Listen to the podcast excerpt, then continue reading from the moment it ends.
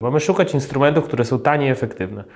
Bo jak zaczniemy te procenty przekładać na kwotę, to się nagle okazuje, że Wall Street skubie nas na tysiące dolarów. W Polsce mamy też takie sytuacje, że brokerzy na przykład za, jeżeli przez rok nie sprzedasz, nie kupisz, jakby nie zrobisz żadnej operacji, tylko kupisz pozycję i będziesz trzymać, to naliczają na przykład opłaty albo umarzają ci jednostki. Tylko musimy trochę zmienić ten mindset, całkowicie to nastawienie, że już nie pięć monitorów, już nie ta plaża, nie szukamy tych szybkich zysków. Każda spółka, która zbankrutowała, nie wypłaciła obligacji, cofa rynek obligacji korporacyjnych w Polsce o 2-3 lata.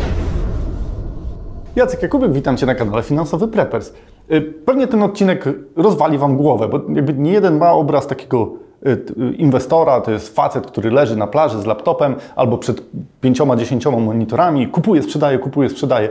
Nie wiem, czy nie nazwać tych odcinków, które będziemy dzisiaj nagrywać z Tomkiem Jeroszkiem, y, z Doradca TV. Cześć Tomek. Cześć, Y, Taki, takim, wiesz, taką nazwę dać własną y, z mora y, brokera, nie? Bo, bo w zasadzie y, brokerowi zależy na tym, żebyśmy handlowali, żebyśmy cały czas obracali akcjami, obracali instrumentami finansowymi. My troszeczkę zaburzymy to i powiemy o zupełnie innych celach, troszeczkę inne podejście y, opowiemy do inwestowania.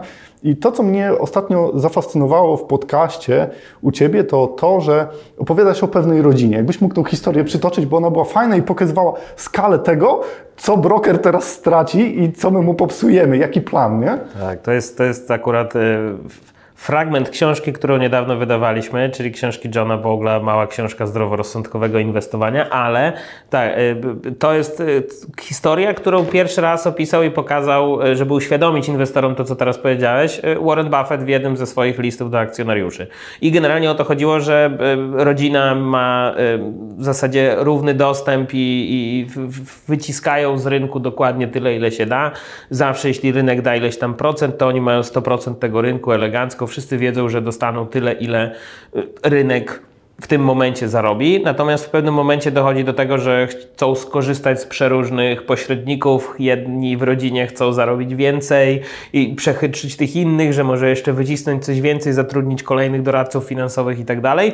No i koniec końców po iluś latach, takie long story short, chociaż zachęcam do odsłuchania tych historii, bo, bo fajnie przemawia, okazuje się, że masa pieniędzy nagle znika w postaci prowizji, konsultacji, y, opłat za tych doradców i tak dalej, czyli cały ten rynek finansowy pożera w opłatach i prowizjach masę pieniędzy, która tak naprawdę już do nich trafiała, tylko chcieli być bardziej zachłanni, przechytrzyć troszeczkę y, ten rynek. Więc to taka oczywiście analogia do tego pasywnego inwestowania, do tego kupowania mm, całego rynku e, versus to, że chcemy być mądrzejsi i robimy strasznie dużo transakcji, broker się cieszy, ale w praktyce wydajemy masę pieniędzy na to, żeby ci wszyscy pośrednicy, ci wszystkie elementy, no w tym przypadku Wall Street, ale u nas oczywiście też i, i naszego rynku, y, po prostu będą na tym zarabiać, no bo obrót to prowizja, prowizja to zysk brokera i tak dalej, i tak dalej, ale niekoniecznie nasz. Przejdziemy trochę do Stanów Zjednoczonych, bo Stany Zjednoczone to jest jednak y, taka dłuższa tradycja, kultura inwestowania i tam podchodzi się do jakby tego portfela pokoleniowego, bo taką ideę chciałbym ym, jakby naświetlić naszym widzom. Y, Tam jest coś takiego jak dziedziczenie na przykład akcji, co u nas jest nie do pomyślenia i powiedz, jak to wygląda w Stanach, bo na przedanteniu też rozmawialiśmy, że są produkty, którymi można zarządzać jakby w ramach rodziny, w ramach całego projektu. Y, Czym się różnią Stany od Polski, jakby i mentalnie, i, i technicznie?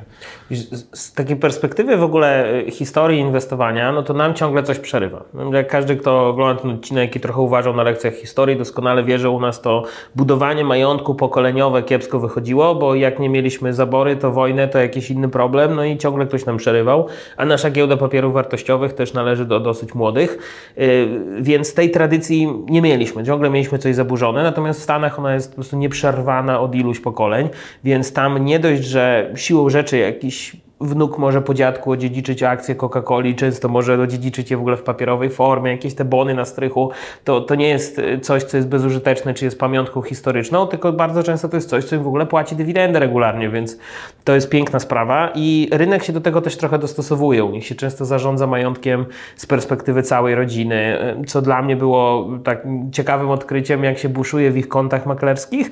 No i jest w zasadzie opcja tego, że ktoś zarządza subkontami rodzinnymi, czyli jest mąż, mąż, żona, jest y, młody człowiek, który wchodzi na ten rynek i to jest kilka subkont, gdzie, gdzie tak naprawdę jest ten y, family, tak konto family, które jest maklerskie. U nas trochę nie do pomyślenia, że cała rodzina ma konto maklerskie, ktoś z poziomu na przykład wykształcenia ekonomicznego w rodzinie zarządza, jak te portfele budować, no bo inny portfel ma ktoś, kto ma 50 lat. Halo do prokuratury, tak? Nie, no, to, tak nie można. Nie? nie? Nie, jesteśmy kompletnie na to ani mentalnie poniekąd gotowi, ani w ogóle nie mamy tych instrumentów. I ja zawsze przytaczam taką historię jeszcze z czasów dziennikarskich, gdzie byłem w takim szkoleniu, mm, gdzie po prostu jako dziennikarz miałem okazję porozmawiać z ludźmi, którzy przyjechali do Polski. Y, przyjechali y, bankierzy ze Szwajcarii. I no, oczywiście przyjechali szkolić polskich bankierów, jak to się robi, tę wielką bankowość w Szwajcarii i oni bardzo często właśnie pokazywali proces dziedziczenia raz, że majątku, dwa, że przekazywania e, swoich firm, no bo często firm, które były robione 20, 30, 40 lat, no trzeba tę firmę przekazać e, nowemu pokoleniu, zakładając, że to nowe pokolenie w ogóle chce tę firmę. E, I oni powiedzieli w pewnym momencie wprost, że no, u nich to zjawisko jest wręcz historyczne, tak jakby no, to, to jest takie naturalne, że oni nie wiedzą, jak to będzie na żywym organizmie, więc oni u nas mogą doktoraty pisać, bo zobaczą, jak nagle pierwsze firmy zbudowane od lat 90. będą przekazywać majątek. Jak te akcje kupowane 10, 15, 20 lat temu, budowane, no, że imperia finansowe to za mocne powiedzenie jeszcze na Polskę, no ale generalnie to, to, to takie pierwsze pokolenia, które w ten sposób przekazują majątek, budują, przekazują to do drugiego pokolenia. Więc trochę się nie dziwię z tego punktu widzenia. Te dojrzałe rynki no patrzą na nas jeszcze, jak, jak my sobie z tym poradzimy. Nie mamy tych rozwiązań, musimy trochę podpatrzeć te inne rozwiązania, zobaczyć, co u nas będzie wprowadzone. Mało jest tych jeszcze prawnych w ogóle rozwiązań, takich koncepcyjnie i, i często to jest tak naprawdę te, takie doradztwo bardzo profesjonalne, gdzie ludzie zamożni potrzebują jakichś konstrukcji prawnych, jak to sensownie zrobić, gdzie często mówimy o wielkich majątkach. No i no jak powiedzmy mamy ten mniejszy majątek, ale też chcemy pokoleniowo go prze, przekazać, no to zaczyna się robić trudno, no bo, no bo nagle co, idziemy z poziomu multimilionera, a ten trochę mniejszy poziom ma trochę jeszcze problem, bo brakuje mu instrumentów i wiedzy, no ale z czasem zakładam, że za kilka, kilkanaście lat, jakbyśmy taką rozmowę ponowili, to już byśmy wymieniali, że korzystamy z tego, z tego, z tego. To tak zakładam, że powinno być. Mhm. Ja wiem, że ten wstęp może być trochę przydługi, ale chciałbym, żebyśmy zobaczyli świadomość, bo ja do tego dojrzewałem, to, to mi dojrzewało dosyć długo w głowie. Pamiętam kiedyś z Kamilem Gancarzem o tym rozmawiałem. Siedzieliśmy nad Bugiem na takim, takiej werandzie w, w, restauracji i piliśmy jakąś tam kawę i patrzyliśmy się na wodę i rozmawialiśmy o portfelu pokoleniowym i mm, on mi powiedział, że docelowo taki portfel jakby jest zbudowany tak, że w zasadzie wszystko to, co zarabiacie, wszystko to, co do Was przychodzi, pakujecie w inwestycje, zwiększacie tą, e, ten majątek, a jakby żyjecie, jakby wypłacacie sobie część jakby zysków, nie?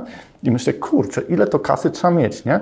Ile trzeba mieć szczęścia w totolotku, żeby ty, tyle kasy wpakować na przykład w akcje dywidendowe, albo e, w nieruchomości, albo w coś innego, budując ten portfel. I yy, dla wielu to się wydaje abstrakcją, ale da się to zrobić, tak? I w, w jaki sposób się buduje taki portfel i ile czasu sobie musimy założyć?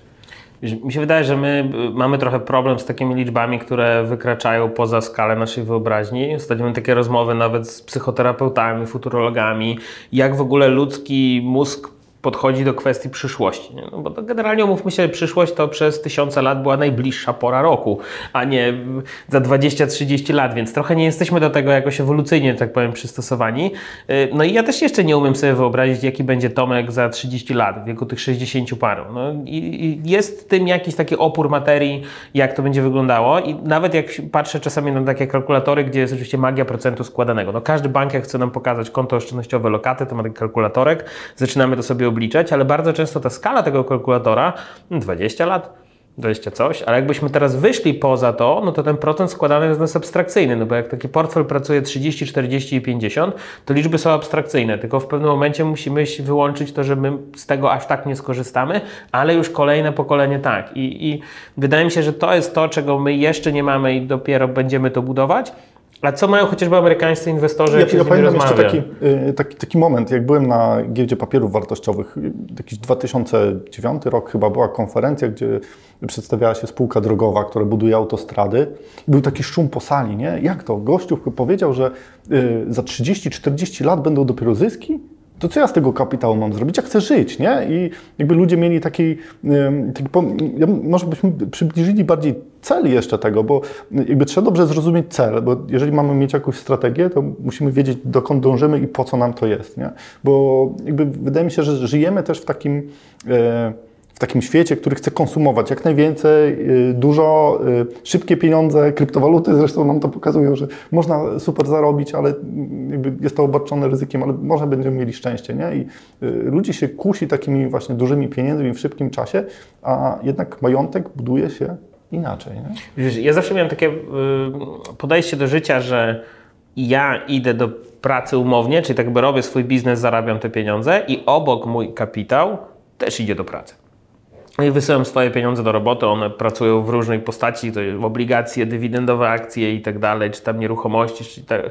W każdym razie cały ten portfel też idzie do roboty i, i ciężko pracuje. W pewnym momencie nasze przychody się zrównają, w pewnym momencie ten portfel mnie przegoni całkowicie i w pewnym momencie ja powiem, to może ja bym chciał teraz trochę urlopu i wezmę od niego trochę kasy, żeby to już mogło funkcjonować. Myślę, że to jest super taki uproszczony obraz, no ale w dużej mierze y, to trochę oddaje te nasze możliwości portfela, no bo oczywiście możemy założyć, że te pieniądze będą na emeryturę, na nasze dzieci i tak dalej, ale jak nam się coś stanie, jak te pieniądze będą potrzebne, to one są, że tak jakby ta, ta opcja wykorzystania tego, to nam, mam wrażenie, że to jest tak jak ta skarbonka, którą trzeba rozwalić młotkiem. No nie trzeba, oczywiście chcemy, żeby to było budowane, no ale jeśli będzie potrzeba skorzystania z tych pieniędzy, to jest częsta, um, częsta obawa takiego człowieka, który boi się produktu emerytalnego, no bo trzeba będzie oddać na przykład podatek, bo nie wiem, 10 lat wcześniej będzie chciał rozbić tę swoją skarbonkę emerytalną. Tak, ale no, wiesz, mamy takie doświadczenia. Wcześniej były jakieś takie książeczki mieszkaniowe, z których nie mieliśmy nic. Wcześniej były fundusze inwestycyjne, które jak się okazało później w procesach, to e, dwie składki roczne szły na wypłaty dla pośredników, nie? I te opłaty nas bardzo mocno zjadały, chociaż to były w domyśle e, produkty długoterminowe i, zazwyczaj jeżeli ktoś myślał w długim terminie, nawet kredyty obarczone wiborem i, e, i frankami, ryzykiem kursowym, nas jakby nauczyły, że nie warto jest myśleć do przodu, nie? Tak, dużo mamy takich doświadczeń. Wiem o co Ci chodzi, że mamy dużo negatywnych doświadczeń, no i faktycznie... A tu wiesz, my mówimy sobie, siedzimy, gadamy, weźcie sobie, budujcie majątek za 30-40 lat. I jakby pytanie, jak człowiek sobie ma wyobrazić właśnie te ten, ten horyzont, że jego dzieci może będą e, z tego korzystały, czy coś takiego, nie? Nie, no to prawda. Ja absolutnie rozumiem, o co Ci chodzi, bo, bo każda afera finansowa, każde bankructwo, czy no, jak się zawsze śmiałem, że każda spółka, która zbankrutowała, nie wypłaciła obligacji, cofa rynek obligacji korporacyjnych w Polsce o 2-3 lata, gdzie ten rynek i tak dosyć powoli się rozwija i to jeszcze kawał drogi przed nim. Ale zawsze jakby kilka pól do tyłu, jak w grze planszowej trzeba się cofnąć, jak jest coś takiego. No i jasne, jak najbardziej to rozumiem, ale no, zawsze szukam tej szklanki do połowy pełnej, że jeśli będziemy się skupiać tylko na tych negatywnych tematach, no to faktycznie wyjdziemy z założenia, że trzeba te pieniądze wyeksportować do rynków zagranicznych tylko i wyłącznie i w ogóle nie, spoglądać na te nasze polskie inwestycje, no ale jakby nie patrzeć, zarabiamy w złotym, y, chcemy w tym momencie też mieć jakąś ekspozycję na Polskę i nie wyobrażam sobie trochę, żeby tak 100% kapitału wyleciało za granicę, chociaż z nami takich inwestorów, którzy chociażby przez geopolityczne tematy i tak dalej stwierdzili, że cały majątek leci gdzie indziej i i, nie ma problemu. Ale y, powiedziałeś jeszcze ważną rzecz a propos tych opłat, które ciągle zjadają wszystkich, że my faktycznie startowaliśmy z bardzo wysokich opłat. I, I dzisiaj, jak jesteśmy już na tym etapie, kiedy nas ustawowo trochę zmuszono, czy sektor finansowy został ustawowo zmuszony, żeby masę tych opłat z, obniżyć, i, i tak jesteśmy w gronie najdroższych y, produktów finansowych w Europie po tej serii obniżek, która była dosłownie, tak jakby te instytucje często były przymuszone ustawowo. Więc y, to jest coś, na co często nie zwracaliśmy uwagi, i faktycznie no to nie robi nam dużej różnicy w bardzo krótkim horyzoncie czasowym, no bo mało tej kasy uzbieramy i nam się wydaje, że tam ten jeden punkcik procentowy, dwa, co to jest te 2%. No ale jak już uzbieramy na tym rachunku kilkaset tysięcy i zaczniemy przekładać procenty na liczby, konkretne pieniądze, no to te 2% od tych naszych kilkuset tysięcy zaczyna nas boleć. Mówię, za co? Za trzymanie funduszu, który nic nie robi, niczym nie obraca, tak jakby kumuluje, to trochę przydużo. I nagle mamy oświecenie w postaci rynku amerykańskiego, mamy takiego dziadka już świętej pamięci jak Johna Bogla, który mówi, że ma być jak najtaniej. To jest jedna rzecz, na którą mamy wpływ. Mamy szukać instrumentów, które są tanie i efektywne. Bo jak zaczniemy te procenty przekładać na kwoty, to się nagle okazuje, że Wall Street skubie nas na tysiące dolarów. No w naszym przypadku nie Wall Street, ale przeróżne instytucje dookoła i polskie i zagraniczne też nas jak najbardziej skubią na tych opłatach i, i po naszej stronie jest znalezienie tych najbardziej efektywnych. No tak, bo w Polsce mamy też takie sytuacje, że brokerzy na przykład za jeżeli przez rok nie sprzedasz, nie kupisz, jakby nie zrobisz żadnej operacji, tylko kupisz pozycję i będziesz trzymać, to naliczają na przykład opłaty, albo umarzają ci jednostki, albo w ogóle likwidują um, pewne pakiety, które pomagają nam się optymalizować podatkowo. Um, I ja jeszcze wracając do poprzedniego wątku, bardzo mi się podobało Ciebie w podcaście na Doradca TV. Był podcast, w którym było to porównane do tego, że jeżeli my nie jesteśmy w stanie sobie wyobrazić, że powinniśmy to zacząć, to może zacznijmy to robić dla swojego dziecka, nie? E, bo ja ostatnio zauważyłem, że mamy tyle zabawek i, każde święta i tak dalej, są zabawki, zabawki, ale może jednak zabawek trochę mniej, bo i tak jakby dzieci się, się bawią y, trochę tym, trochę, trochę tamtym, nie? I y, wrzucić y, to w jakiś program, taki nasz program, który będzie oszczędzał, i to dziecko, e, powiedzmy za 20-30 lat, będzie miało zupełnie inny start, nie? Ale jak to ułożyć, żeby było kontynuowane? E, co Twoim zdaniem jest takim kluczem, żeby e, tworzyć taki, taką kulę śnieżną i jeszcze z niej nie wyciągać, nie? Ja mówię, że jak, jak myślisz o dziecku, to jeszcze znowu te rynki zagraniczne mają takie fajne instrumenty, że możesz sobie zablokować, żeby to dziecko będzie mogło określoną kwotę pieniędzy z tego portfela wyjmować tak jak są ustanowione takie trusty, że, że mam jakiś tam fundusz powierniczy, który jest na edukację mojego dzieciaka, czy na przykład mojego wnuka, jest tam kilkaset tysięcy dolarów, ale to dziecko przez ileś lat może w określonych transzach wyjmować sobie pieniądze, jest to wszystko zrobione notarialnie i tak dalej. No, no i to są potężne rzeczy, gdzie mówimy o ludziach, którzy mają spory majątek. Natomiast u nas no, mamy ten portfel, znowu się zaczyna prawnie, no dobra, ale jak ja mogę przekazać ten portfel? Czy to... Przyznam szczerze, że to nie jest takie proste, bo ja rozmawiałem z domami maklerskimi, jak to zrobić, tak wiesz co, pogadajmy z prawnikami, bo, no bo to taka darowizna, ale to wtedy trzeba sprzedać te akcje i, i znowu, to jest niby taka prozaiczna rzecz, no chcesz chcesz zacząć portfel dla dzieciaka, czyli tak naprawdę zaczynasz portfel swój, ale w pewnym momencie musisz go przekazać, no ale ty jeszcze żyjesz i to nie jest dziedziczony portfel, po prostu chcesz mu przekazać te pieniądze, nie tracąc tych akcji. No i zaczyna się taka, taka dyskusja, że w sumie to nie pomyśleliśmy o tym, tych procedur nie ma, bo prawie nikt nie wyszedł jeszcze z taką z taką koncepcją, z taką propozycją. A mm, to, co powiedziałeś nawiązując do tego podcastu, to jest coś, co mnie trochę oświeciło, jak zacząłem czytać tych najstarszych, tych, którzy naprawdę 60-70 lat na rynku, to jest zupełnie inna perspektywa, że kiedy mi jest ciężko sobie wyobrazić, jak będzie ten portfel wyglądał za 20 lat, no bo ja chcę pieniądze tu i teraz i tak jakby naturalne, co powiedzieliśmy, nie? Ale jeśli byśmy za ten punkt obrali to nasze dziecko, no to jest zupełnie inna motywacja ale procent składany, tak jakby proces, nie wiem, portfela dywidendowego, pasywnego, no to jest to samo. Tu się nic nie różni, tylko zmieniliśmy sobie tą motywację, ten cel na tego dzieciaka. I ten dzieciak w momencie, kiedy on startuje, on nie startuje z poziomu 0, tylko on startuje z poziomu plus 20 lat. To jest niewyobrażalne. To tak jak ja bym teraz startował z poziomu 0, że dokładam swojego portfela, no ale mam lat 50 i ten portfel się 20 lat budował. No to, to, to jest taka moja decyzja, czy ja już chcę solidne wypłaty, czy ja chcę to kontynuować. To jest niesamowity efekt. Bo jak zaczniemy sobie robić takie symulacje, co by było gdyby i te 20 lat odkładania i sobie pomyślimy, że ten dzieciak ma na samej górze punkt bazowy, no to to wtedy, no mi to rozwala głowę absolutnie. Że ten dzieciak idzie sobie na studia i on nagle ma portfel, za którym mógłby w tym momencie funkcjonować. Oczywiście, jak się dobrze go pokieruje edukacyjnie, to może on wcale nie rozwali tej kasy, no bo jak już całkowicie ją przekażemy, nie będziemy mieć tych amerykańskich bajerów, że nie może wybrać całej kasy, ale jak damy mu możliwość, no to może się skończy, że na studia będzie nowym Porsche dojeżdżał, ale kasę będzie trzeba dalej od rodziców wziąć. No ale zmierzam do tego, że tak jakby dajemy mu pewnym możliwość fantastycznego startu, tylko ta decyzja musi być podjęta teraz, ta motywacja tak ustawiona. No a to, co jest w środku, to są narzędzia.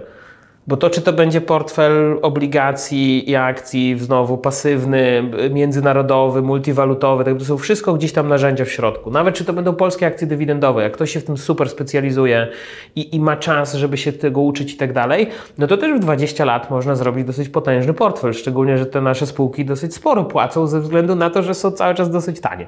Więc to jest też takie, takie błędne koło, że jak opieramy o dywidendy, to może się okazać, że te dywidendy będą dużo wyższe w kontekście polskim niż zagranicznym. Więc to, co jest w środku, to jest narzędzie, ale ten proces, no nie wiem, mnie to totalnie przekonuje. Ja może, żeby jeszcze bardziej sobie wyobrazić, jak to działa, spróbuję to przybliżyć na przykładzie, a później porozmawiamy o kon konkretnych instrumentach. E, często jest tak, że kupujemy na kredyt, czyli z dźwignią, nieruchomość, e, pierwsze mieszkanie, jakąś tam kawalerkę, później e, rodzina nam się powiększa, kupujemy większe, tamte wynajmujemy i tak dalej, i tak dalej. I na koniec dnia, jakby nie zmieniając bardzo nic w swoim życiu, zostajemy z majątkiem. Mamy te kilka mieszkań, jesteśmy już landlordem, wynajmujemy, możemy, ten kredyt się spłacił, możemy sobie jakby spokojnie żyć z wynajmu, na przykład dokładając sobie te pieniądze do emerytury.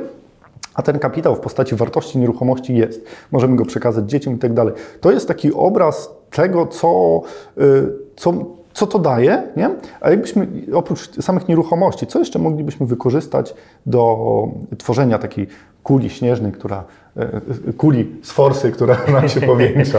Fajnie, że to powiedziałeś, bo, bo nieruchomości to jest coś, co my wszyscy doskonale rozumiemy, coś, co jest u nas zaszczepione jako taka jedna z dosyć pewniejszych inwestycji i, i to też jest ciekawe, że, że no my dosyć jeszcze mamy krótką historię przekazywania tych mieszkań. Zawsze sobie przypominam, że moi pradziadkowie dosłownie z walizką uciekający przed wojną, moja babcia z pierwszym mieszkaniem, ale już moi rodzice z domem, tak sobie, idąc tak pokoleniowo, no to tak od tego zera nagle doszliśmy do dwóch nieruchomości nieruchomości, teraz po mojej stronie jest jakaś trzecia, coś jeszcze, no a te moje dzieci już mogą mieć całkiem ogarnięty majątek, no jakby te wszystkie zaczynamy kumulować, więc coś, co często na zachodzie już jest takim no-brainerem, że ileś tych nieruchomości się zebrało, jak powiedziałeś, a u nas często to albo od naszego pokolenia się zaczyna, albo od pokolenia naszych rodziców, no ale teraz nasze pokolenie już ma te instrumenty, których te poprzednie nie miały. Czyli ktoś miał nieruchomość, y, dom i tak dalej, no ale rynek kapitałowy w ogóle nie wchodził w grę. Jaki rynek kapitałowy? Stało się w wielkiej kolejce w 90 którymś, żeby się zapisać na akcje, które później robiły takie wahania, nie mieliśmy wyboru funduszy i tak dalej. Jak, jak Bogle wymyślał pierwsze fundusze pasywne, żeby kupować całą amerykańską gospodarkę w jednym instrumencie, no to, to w ogóle u nas jeszcze naście lat było do odzyskania pełnej wolnej gospodarki, więc to, tu nie ma absolutnie porównania, ale dzisiaj kiedy mamy możliwość dołożenia do tego rynku kapitałowego, no to mamy najprostsze fundusze pasywne, o których y, wreszcie Polska trochę usłyszała. Wreszcie ich dostała na giełdzie papierów wartościowych kilka. Wreszcie dostaliśmy dostęp do rynków zagranicznych. Y, ja też się śmiałem, że gdybyśmy kilka lat temu wydawali książkę Bogla, to ten polski inwestor przeczytałby ją, pomyślał, że, że jest dobra, zacznę uzupełniać, tak jak powiedziałeś, moje nieruchomości o S&P 500, o fundusze na cały świat, może jakieś obligacje, no i usiadłby, albo nie ma tych funduszy, albo są drogie. I trochę taki smutek, no bo przeczytałem, że w Ameryce jest fajnie, a u nas nie ma tego jeszcze. I na szczęście, jak dzisiaj o tym rozmawiamy, to dzisiaj jest tego całkiem sporo. I to jest z takiej perspektywy, można powiedzieć, no, osoby, która troszeczkę będzie musiała się zainteresować inwestowaniem, ale nadal nie będzie wyspecjalizowana. Można w jednym instrumencie dosłownie kupować cały świat rynku akcji, cały świat rynku obligacji, albo produkty, które mają jedno i drugie już wszyte w konkretnych proporcjach. To się nazywa fundusze multi-asset. Jakby ktoś chciał dłużej sobie poszukać, to akcje i obligacje w jednym instrumencie, ale ja robię jedną transakcję w miesiącu. I mamy chociażby obligacje, które w tym roku zaczęły bić rekordy, bo przestraszyliśmy się inflacji. Nagle nauczyliśmy się, jak działają obligacje. No ale one są super do długoterminowego oszczędzania, bo ta dziesięciolatka faktycznie akumuluje te wszystkie odsetki, no i ten procent składany faktycznie nam działa. No i do tych nieruchomości jakby oblepiamy to trochę rynkiem kapitałowym, już mamy zupełnie inny start.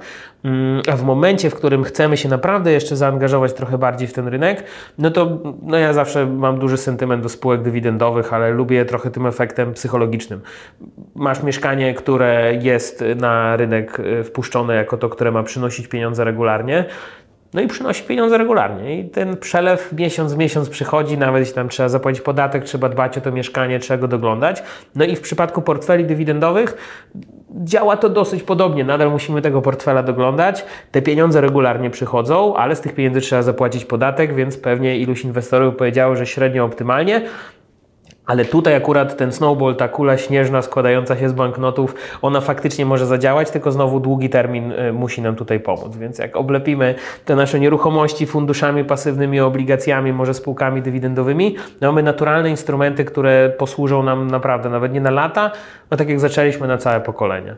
Tylko musimy trochę zmienić ten mindset, całkowicie to nastawienie, że już nie pięć monitorów, już nie ta plaża, nie szukamy tych szybkich zysków. No pewnie co któryś tam mm, będzie w stanie, będzie w stanie jakieś te zyski osiągnąć, ale żeby w długim terminie je powtarzać, no to jest klucz, tak jakby w całej tej zabawie i tych strasznych reklamach, które mają sprawić, że będziemy milionerami, no powtarzalność tego jest niezwykle trudno osiągalna, a wszystkie badania z ostatnich 50-70 lat, nawet tu Morgan Stanley takie fajne raporty pokazuje, im bardziej wydłużymy ten horyzont inwestycyjny, no tym lepsze po prostu są te efekty, no bo jesteśmy w stanie przeżyć hossę besę, hossę besę, ale te gospodarki idą do góry, te indeksy zrobią trochę za nas robotę, no i zakładam, że aż tak ta historia się nie zmieni, żeby nam to popsuć. Jest przełom roku, to jest zawsze taki czas na, na przemyślenie, zastanowienie się.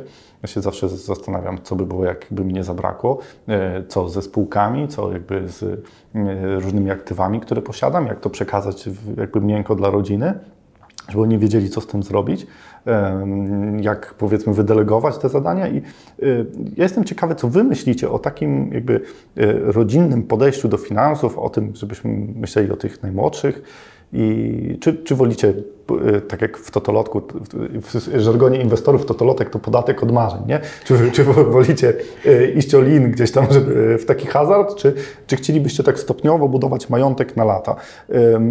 Zastanawiam się, jakie jest, jest Wasze podejście, czy podoba Wam się ta idea? W następnym odcinku z Tomkiem omówimy sobie spółki dywidendowe, bo to jest też bardzo fajny, obok tych nieruchomości, o których sobie wspomnieliśmy, bardzo fajny pomysł na budowę właśnie takiego portfela. E, pokoleniowego. No i czekam na Wasze opinie. Dziękuję Wam bardzo za dziś. Cześć.